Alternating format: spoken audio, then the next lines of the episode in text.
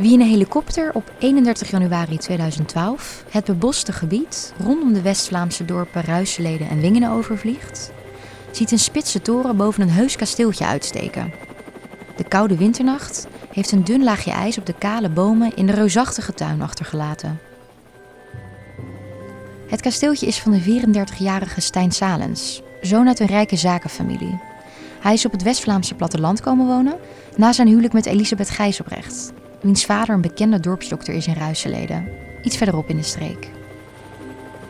Vanuit de helikopter is het lange ongeasfalteerde pad te zien waarop Elisabeth die ochtend vroeg met hun vier jonge kinderen in de auto wegrijdt naar school. Het pad loopt van de weg naar de voorkant van het kasteel. Een kleine veranda met trappetjes omhoog. Van zo hoog in de lucht is het straaltje bloed op de trappen net niet te zien. De helikopter vliegt niet zomaar over dit gebied. Ze zijn op zoek naar Stijn. Want Stijn is die ochtend verdwenen.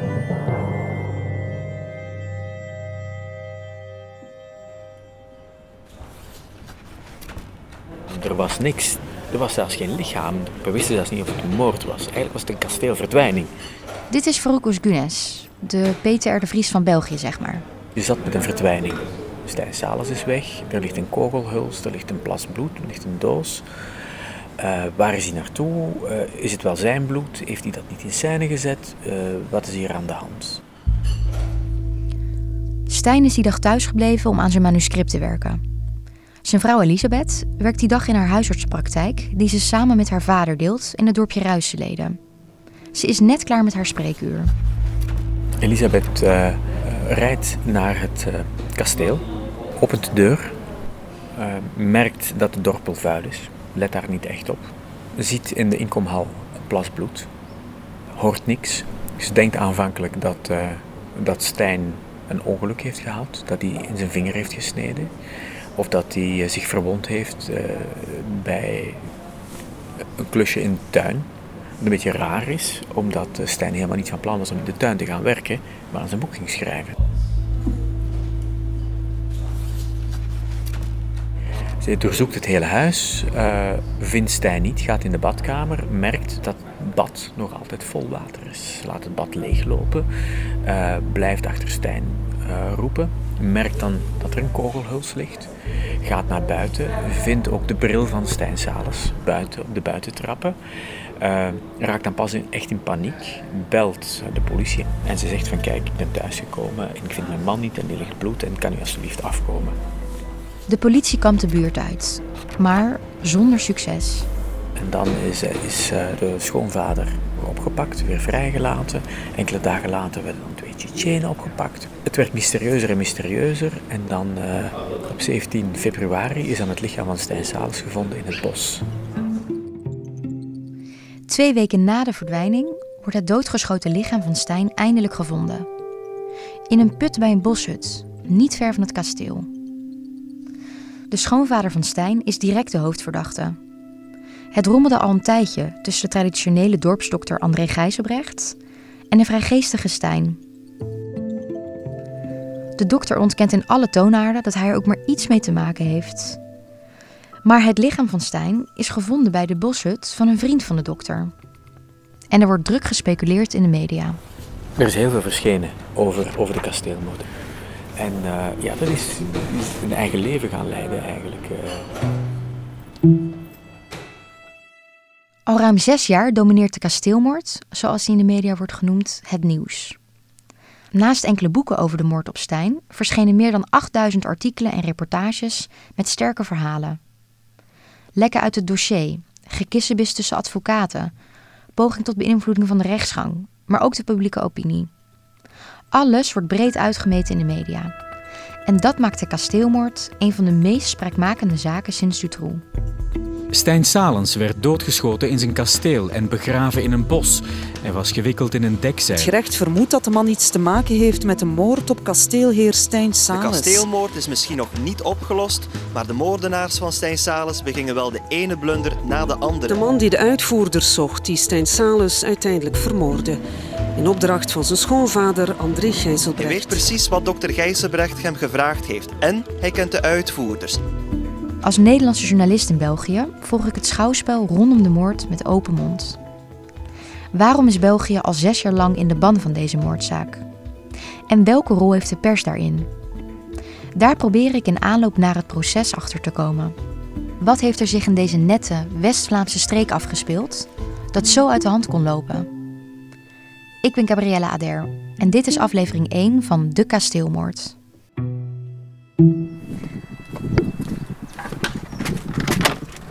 Hallo.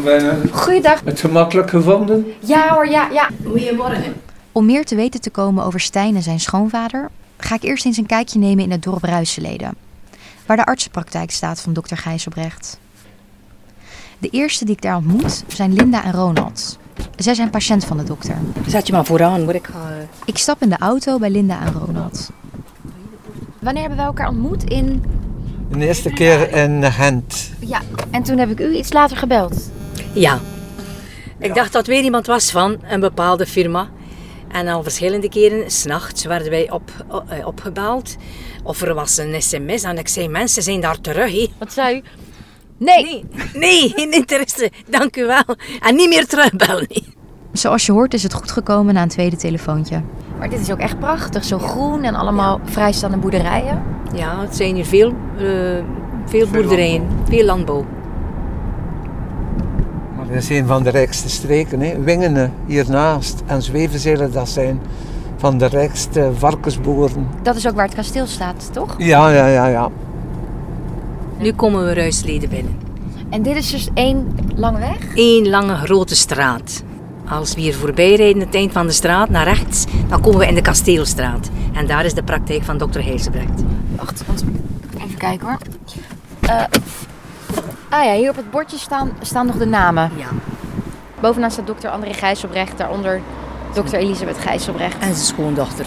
En zijn schoondochter ook Ja. nog. Het is een, echt een artsenfamilie. Ja. En er staat hier een, eh, een donkerblauw hek, maar de deuren zijn wel open. Ja, want Elisabeth heeft haar praktijk eh, van 9 tot 12. Dus ze, is waarschijnlijk, ze heeft waarschijnlijk juist gedaan, want het licht brandt niet meer. Het is echt een prachtig groot wit pand. Bouw naast de dorpskerk, ja. En de kleine marktje, hé, waar de vrijdagmorgen eh, kraampjes staan. Hoeveel mensen wonen hier ongeveer? Ik denk, ik weet het niet hoor, tussen de 10.000 en 12.000. Ja. Wat voor mensen zijn het? Heel vriendelijke mensen, mensen die elkaar helpen, die elkaar steunen. Eigenlijk geen grote praters. Of ze moeten u goed kennen. Ik ga mee terug naar een huis waar Linda en Ronald me iets meer vertellen over de populariteit van een dokter in het dorp. Opgeklommen vanuit een bescheiden plattelandsfamilie. Het is een zeer goede dokter, een zeer goede man. eh, met veel altruïsme, dus groot menselijkheid. Hij stond altijd, of staat altijd achter zijn patiënten. Eh, wat ik ook moet zeggen is dat hij, eh, volgens zijn status, is hij altijd gewoon gebleven. Wat bedoelt u met de status? als dokter zijnde, hij heeft toch iets opgebouwd. Hij is dokter, maar dat kon je niet van hem aflezen. Wat vindt u zo'n typisch voorbeeld van? Ah, als, je hem, als je hem zag, goeiedag, hoe is het? Ver- eh, zwaaien, oh ja. Echt gewone mensen. Ja, maar een dokter die streek is, heeft nog altijd, zoals mijn echtgenote zegt, een status. Hè, dat is niet zoals in de stad, zoals Brussel, grootsteden. Een dokter is nog altijd iemand speciaals in de buiten. Hè. Ze zeggen altijd de dokter en weet iedereen over wie het gaat. Ja, de dokter, ja, de dokter van Ruisleden, of de dokter, of meneer dokter. Ja, dat zeggen ze. In het begin lijkt dokter André Gijsselbrecht trots op zijn schoonzoon. Hij vindt de telg uit een succesvolle zakenfamilie een goede partij voor zijn dochter. In de tijd was het altijd van André, oh, steentje al hier. Een steentje, oh, zo'n goede zaak, man. Een steentje. En dan, want ik heb begon dat te verwateren, niet. Ja, in het begin was hij blij met Stijn. Oh, maar ja, hij. Oh, het was geen betere. Dat was, goh, en we gaan dat doen en Stijn gaat dat doen. Hij gaat daar eh, projecten maken en we gaan daar eh, bouwen en dat. Maar wie was die donkerharige, wat slungelige Stijn Salens eigenlijk? Omdat hij nog niet zo lang in de streek woont, import, kennen de dorpsbewoners hem niet zo goed. Verschillende dorpelingen raden me daarom aan om eens te praten met de plaatselijke garagehouder in Ruiseleden. Elisabeth en Stijn kwamen daar vaak. Ja, ik, ik heb hem ontmoet, eh, meestal in de garage hier, ja. Eh, ja, bij hem thuis. Dit is Johan van Loken, de garagehouder. Hij ontvangt me in een klein glazen kantoortje naast de garage. Met een luid tikkende klok aan de wand. Hij vertelt me over de grote ambities van Stijn. Ja, die had eh, drie firma's. Ja. Die had een bouwfirma, denk ik. Ja. Het is nooit echt juist goed geweten wat hij juist deed eigenlijk. Ja. Ik weet nog dat de dokter bij mij hier eh, hem aanbood om... eh, hij zei, ja, mijn schoonzoon doet, maakt nu ook websites. Hè. Die is een firma van websites.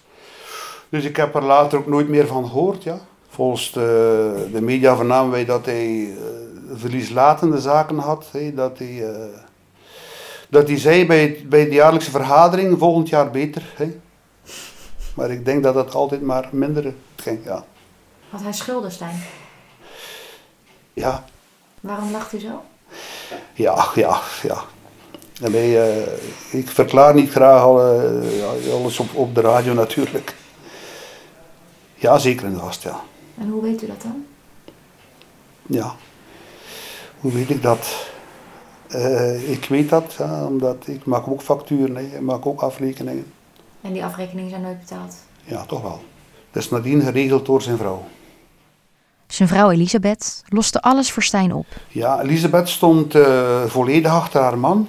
Ik denk dat ze volledig geleefd werd door hem. Ik kan u daar een voorbeeld over geven. Iedere keer dat Elisabeth hier kwam, ging de telefoon en die zei: Ja, Stijntje, ik ben nu bij Van Loken.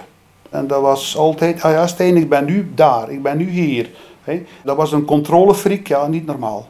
De garagehouder is, net als de meeste mensen in het dorp, niet zo gecharmeerd van Stijns arrogante houding. Hij maakte niet veel indruk op ons, ja. Nee, zeker geen goede indruk. Het was van het moet en neem mij eerst en eh, iedereen moet wachten. Ik ben hier eh, de kasteelheer. Dat gevoel heeft hij. De verhalen van de dorpelingen over Stijn blijven wat aan de oppervlakte. Ik spreek daarom af met journalist José Machelin, die zowel familieleden van Stijn als de dokter kent. Goedemorgen. Goedemorgen. Koffie? En cappuccino alsjeblieft. Een water. Melkschuim of Melkschuim. slagroom? Melkschuim en een beetje water. Graag. We spreken af op een terras, in de buurt van het dorp. Dit verhaal is een verhaal van schone schijn ook. Dus voor de buitenwereld waren al die families onberispelijk. Deze moord heeft eh, uitgebracht hoe ze echt leefden met elkaar. Het toont aan dat eh, zelfs in de beste kringen eh, heel scheve dingen kunnen gebeuren. Heel foute dingen kunnen gebeuren. Dat mensen compleet kunnen ontsporen. Mensen spelen altijd meerdere rollen. Dat blijkt ook in deze moord. De dokter als dokter, de dokter als grootvader en, en schoonvader.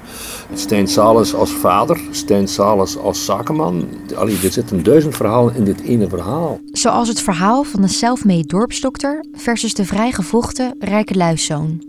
Het, be- het bedrijf ehm, van de familie Salens was eh, een bedrijf in fytofarmacie. Dat zijn sproeistoffen voor de landbouw, eh, pesticiden, herbiciden. En de vader van Stijn Salens, de familie Salens, had een eh, monopolie op invoer van bepaalde producten eh, uit, eh, in België. En op een gegeven moment heeft de Boerenbond, die heel wat hobby- en tuincentra hebben in ons land, heeft het bedrijf, dat heette Sanak, overgenomen van de familie Salens voor gigantisch veel geld. Als ik me niet vergis, iets van een 50 miljoen euro. Toen dat bedrag is betaald, heeft vader Salens aan zijn zes kinderen elk 5 miljoen euro gegeven. Waaronder dus Elisabeth en Stijn. En daarmee hebben ze het kasteel gekocht. Dat heeft 3 miljoen euro gekost. José beschrijft Stijn als een verwende, eigenwijze knul die niets moet hebben van de hiërarchische dorpse levenswijze. Stijn gaat naar dure privéscholen en hoeft daarna nooit echt hard te werken. Dat was een, een, een eigenzinnig, een, ja, pers, een verwend iemand ook. Hè. Dus hij, had, hij was zijn hele kindertijd verwend geweest. Hè. Materieel eh, ja, hadden ze wat ze wilden, ze hadden het geld lag maar voor het rapen. Dus hij, ik kreeg ook altijd zijn zin. Stijn was een vrijgevochten iemand. Die had in zijn eigen kindertijd en jeugd ook een zeer vrije opvoeding gekend bij zijn ouders. En Stijn had vanuit huis veel met spiritualiteit. De ouders van Stijn Salens waren excentriekelingen.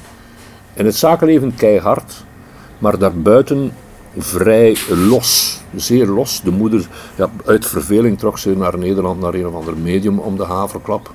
Om haar het leven te laten voorspellen. Ik weet niet allemaal. Dus een beetje In het Frans zeggen ze farfelu, een beetje losgeslagen, een beetje gek. Ja. Oké, ik zal een voorbeeld geven van de familie. Zo is er de jongere broer van Stijn, Brecht Salens. Hij woont met zijn vrouw in Lilydale, een klein gehucht in de Verenigde Staten, waar hij als een soort medium werkt. Op zijn website biedt hij allerlei soorten spirituele diensten aan. Maar vind je ook een video waarin hij geïnterviewd wordt. Hello. And I'm sitting here with um, Brecht Salens. Yes, yes. indeed. So you are a psychic medium. Mm-hmm. Mm-hmm. I started getting into uh, psychic readings with tarot cards when I was, um, how old was I? Like 19, 20, just in a transition period. Yeah. But there I discovered that it was quite easy for me to communicate with spirit too. So what does it feel like when spirit is present? I don't know. The moment you tell it, you're just, they're there. Dat was Brecht. Hij verschijnt een paar jaar na de moord op zijn broer, ook in een Belgische televisieuitzending over paranormaal begaafden, waarin hij beweert dat hij met zijn broer kan communiceren vanuit het hiernamaals. Ik hoor ook dat tijdens de zoektocht naar Stijn zijn moeder het onderzoek gehinderd heeft door te beweren dat ze bepaalde signalen ontvangt van haar zoon. En vlak voor zijn dood gaat Stijn nog een stapje verder. Een soort van onnozele secte eigenlijk. Hè. Ja, iets, zoals alle secten iets gek. Hè. Uh, opgehangen aan idiote theorieën. Iedereen doet wat hij wil, maar ik vind dat onnozel. Met die onnozele secte bedoelt José Machelin de rinkelende dennen. Over de hele wereld zijn er volgelingen van deze levensovertuiging, die gebaseerd is op een Russische boekenreeks. Ook Stijn was enorm bezig met die alternatieve levensfilosofie. Ik had er eerlijk gezegd nog nooit van gehoord, maar na wat research kom ik in contact met de Nederlandse uitgever van deze boekenreeks. Volgens haar is een van de belangrijkste gedachten. Iedere leveneenheid die dat zou willen, zou een hectare grond moeten hebben. Op die hectare kun je zelfvoorzienend leven en kun je, uit die hectare kun je inkomen genereren waarmee je ook nog uh, uh, kunt ruilen of, of op andere manieren zaken doen. Je hebt dan uh, bestaanszekerheid in ieder geval. Je hebt werkgelegenheid in ieder geval. Je helpt mee aan gezonde voeding. Je doet je eigen gezondheid deugd. Je helpt met, het, als je op die hectare heel veel bomen plant, help je met de opwarming van de aarde tegengaan. En dan wordt de aarde dus gewoon weer een paradijs. En op zo'n manier leven, met een eigen stuk land, dat was wat Stijn wilde. Het klinkt wat vaag, maar van familieleden en dorpsbewoners hoor ik telkens dezelfde verhalen. Stijns kinderen liepen op blote voeten op straat. Ze gingen vegetarisch leven. En het liefst had Stijn dat ze thuis les kregen. Dit tot grote afschuw van zijn schoonvader, die een duidelijk beeld had van hoe het moest. En de bars kijkende dokter, met opvallende, grijze, kille ogen en hoog opgetrokken wenkbrauwen erboven, was gewend dat er naar hem geluisterd werd. Hij vindt zichzelf belangrijk. Hij is de belangrijkste in zijn familie, is de belangrijkste in zijn dokterspraktijk. Alles moet verlopen volgens zijn wetten en dictaten. Heeft een voorbeeld van wat, wat hij graag wilde? Het bevel aan zijn dochter om haar kinderen op te voeden zoals hij vond dat ze moesten worden opgevoed. Zoals? Well, uh, keuze van school, keuze van uh, opvoedingsstijl. En daar is, heeft het, is het beginnen botsen met Stijn Salens.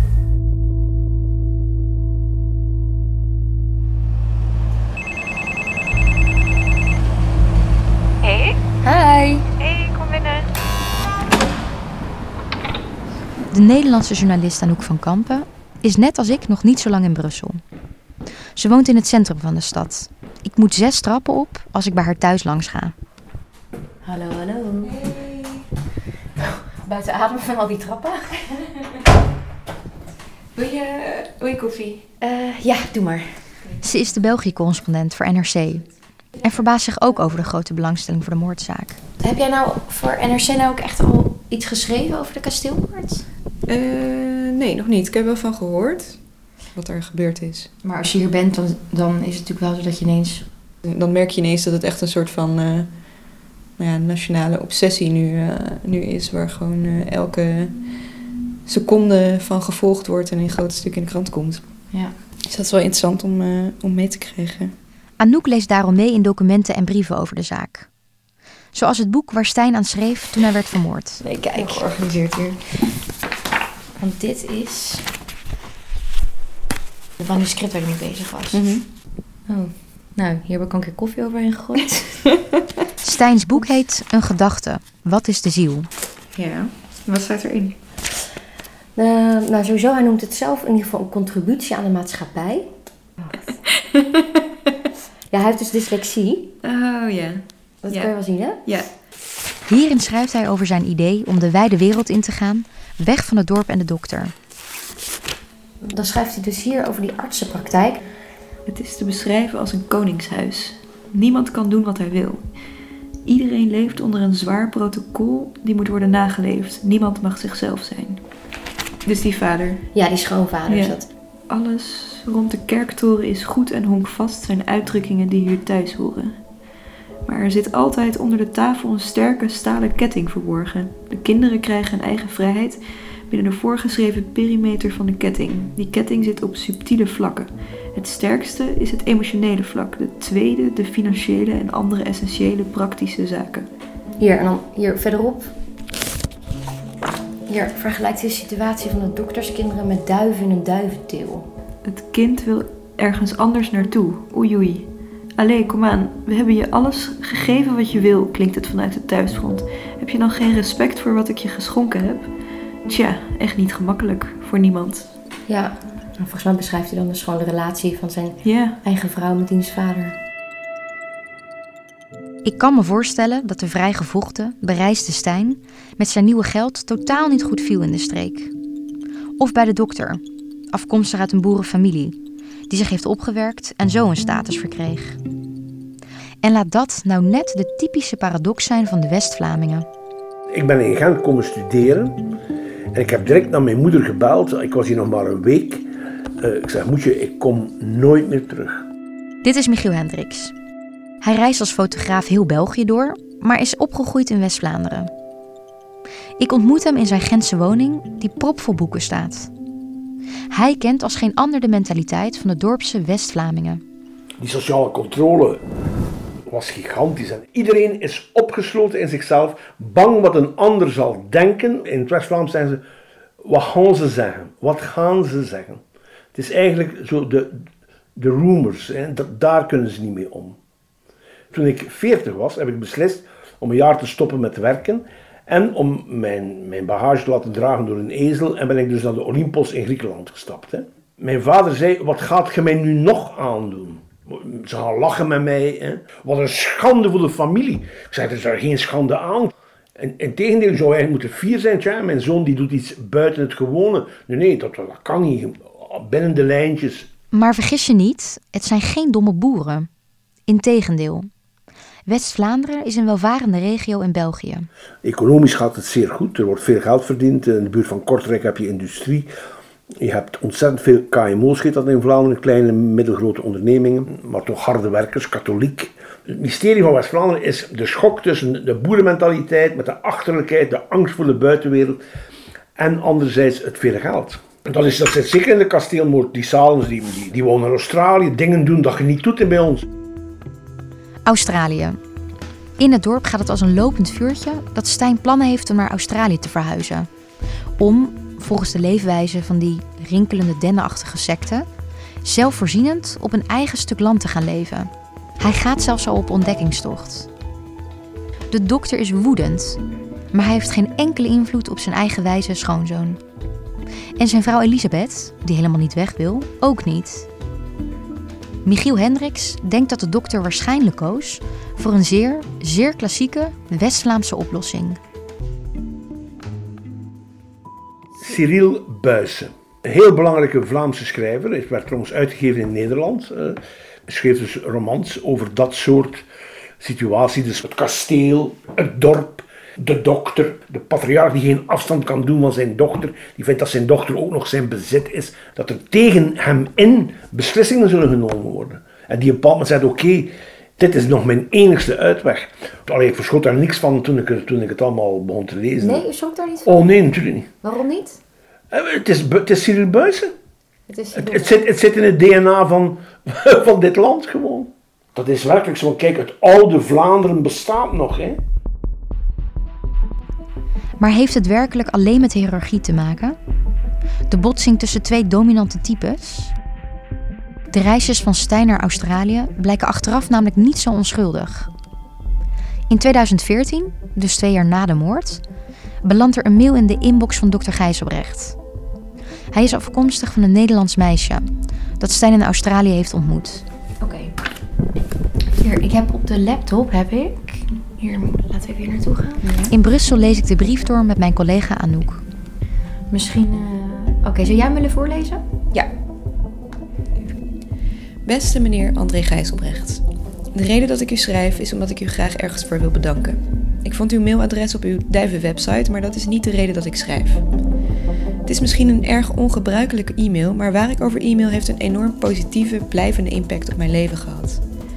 In het geval dat u op welke manier dan ook iets te maken heeft gehad met de moord van uw schoonzoon Stijn, dan dank ik u vanuit de grond van mijn hart, omdat Stijn mij een aantal maanden voor zijn dood heeft verkracht in Australië. Ik hoef nu niet meer in een voortdurende angst te leven dat hij mij komt opzoeken, wat hij daarna nog wel heeft gedaan. De man was duidelijk gestoord. Nogmaals bedankt en mijn excuses in het geval ik ernaast zit. Spijt me ook als deze e-mail u heeft gechoqueerd, maar ik denk er nu al een erg lange tijd aan om u dit ongebruikelijke bedankje te sturen, gezien u mijn leven en ongetwijfeld ook het leven van anderen een stukje beter heeft gemaakt. Stijn zou dus tijdens een van zijn ontdekkingstochten in Australië een meisje verkracht hebben. En dat is niet het enige. Ook bij zijn eigen dochtertje ging hij veel te ver. De dokter maakte zich dus terechte zorgen om zijn familie. Meer hierover in de volgende aflevering van de Kasteelmoord. Een serie van mij, Gabrielle Ader en VPRO Podcast. Techniek door Alfred Koster en eindredactie door Randy Vermeulen.